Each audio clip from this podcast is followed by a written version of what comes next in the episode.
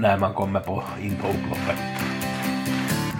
Då säger det bang, bang, bang. Vi hämtar stora, stora slantar. Bang, bang, bang, bang, bang,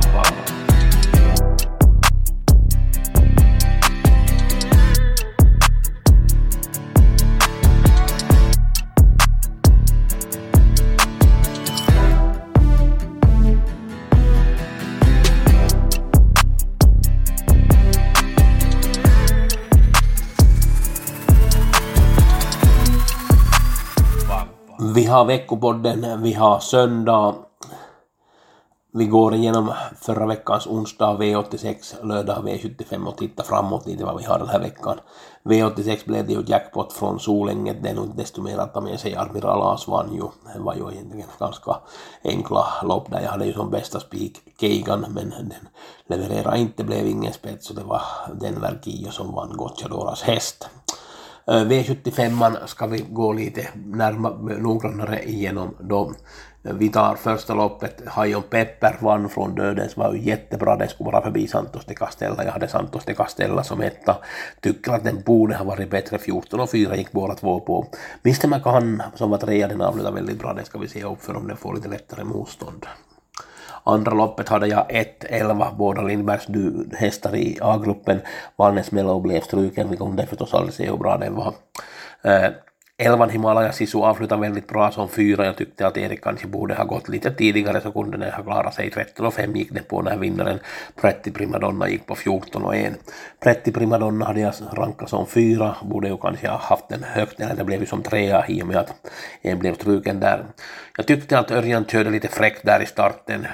Borups Valmo var bra som två, men det gick kanske lite väl tidigt. Skulle den ha gått lite senare så kanske den skulle ha vunnit, men Örjan är ju alltid Örjan, vi vet ju det.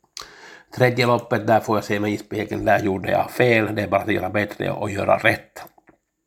Jag hade ju låst på 6 Global Virgin men det var egentligen aldrig bra, det fick ju ingen spets, gick på 15 och 1 och Missing Toma den gick lite för långsamt där i starten och det var omöjligt att ta någonting. Charlotte Viking vann och Magnus Jakobsson var ju optimistisk på den, ja det är ju den femma i ranken. Fjärde loppet, där är jag nog väldigt, väldigt ledsen. Jag tyckte att jag hade hittat en jättebra idé men vi ska ta och börja med det här ettan och tvåan. Hulti Annika som vann hade jag näst sist i ranken. Det var inte helt enkelt att hitta. Emil Eriksson hittade rätta ryggarna och gjorde det jättebra. 25 och 3 vann den på före 25 och 4 på Ragnhild VV. Skejalm hade jag rankat tvåa. Den var trea i mål på 27 och 2 och min etta GG Svea var sexa i mål på 2023, den var väl 0,3 procent. Madeleine Johansson som körde, det blev väl femte, sjätte invändigt där i starten. Skulle den ha gått i andra spår så tror jag att den skulle kunna vinna det här. Det var en riktigt, riktigt bra avslutning som hästen gjorde i sådär i skymundan. Vi ska ta med oss hästen till nästa gång och vi ska inte ge upp på GG Svea. Den kommer att vinna lopp, var så säkra. Håll procenten under en då. Eh, femte loppet, jag trodde ju mer att Jorma skulle ha bättre chans med nummer fyra It's Peppe Time som var rankad etta, där blev det tyvärr galopp i starten. Eh, jag hade ju räknat med, räknat med att Jobspost eller fem Always Pleasure skulle ta spets, Always Pleasure tog spets, men den Nikulen och Weston kom och pressade sig till spets, men Nikulen fick ge sig mot Always Pleasure, den vann Always Pleasure, men Jakobsson vann på 14 och 2 och var tvåa på 14 och 5. Jobspost nummer sex galopperade i starten, men gjorde ett jättebra lopp efter galoppen och var trea på 14 och 7, den ska vi ta med oss till nästa gång.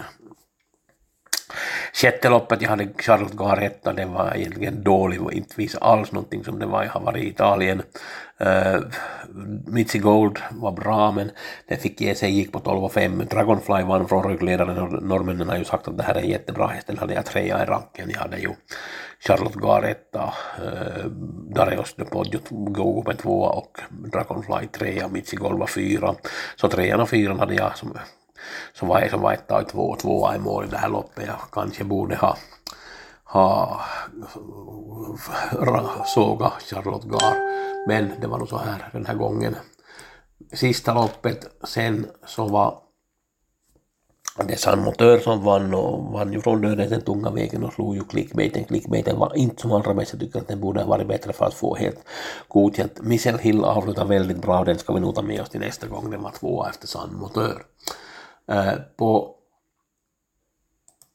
i Halmstad på måndag i morgon alltså har jag en idé i femte loppet, 8 Maltese Magic. Den var tvåa på Mantorp fjärde i sjunde ganska tufft sällskap och avsluta riktigt, riktigt vasst. Det här är en spårtrappa. Vi har hennes jubilee tvåan, trean Random Tile och eh, Havanna Sotto femman och sjuan Marian Black som kommer säkert att bli spelade, kanske också tio Safira Diablo. Men Maltese Magic har den bästa tiden i det här loppet. Eh, den avslutar väldigt bra, det är Stefan Persson, jag tycker att det är lite plus jämfört med Claes Svensson så att det kan vara en bra idé till måndagens jackpot på Halmstad.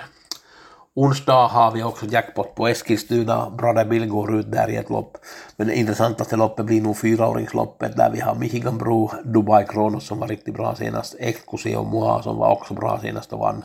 Tetrik Vanja kommer ut med Conny Lugauer, Make It Kömer, Demon, Denjeby, Barakface, Bedasol Sox fick spår 9 och There is no limit. Väldigt intressant i Eskilstuna.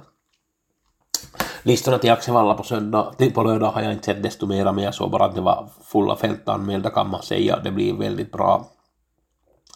Bronsdivisionen var väl kort distans där och gulddivisionen var 26.40 och så var det nog nå lopp 26.40 volt där också och ett par storlopp där också så det är nog en intressant omgång.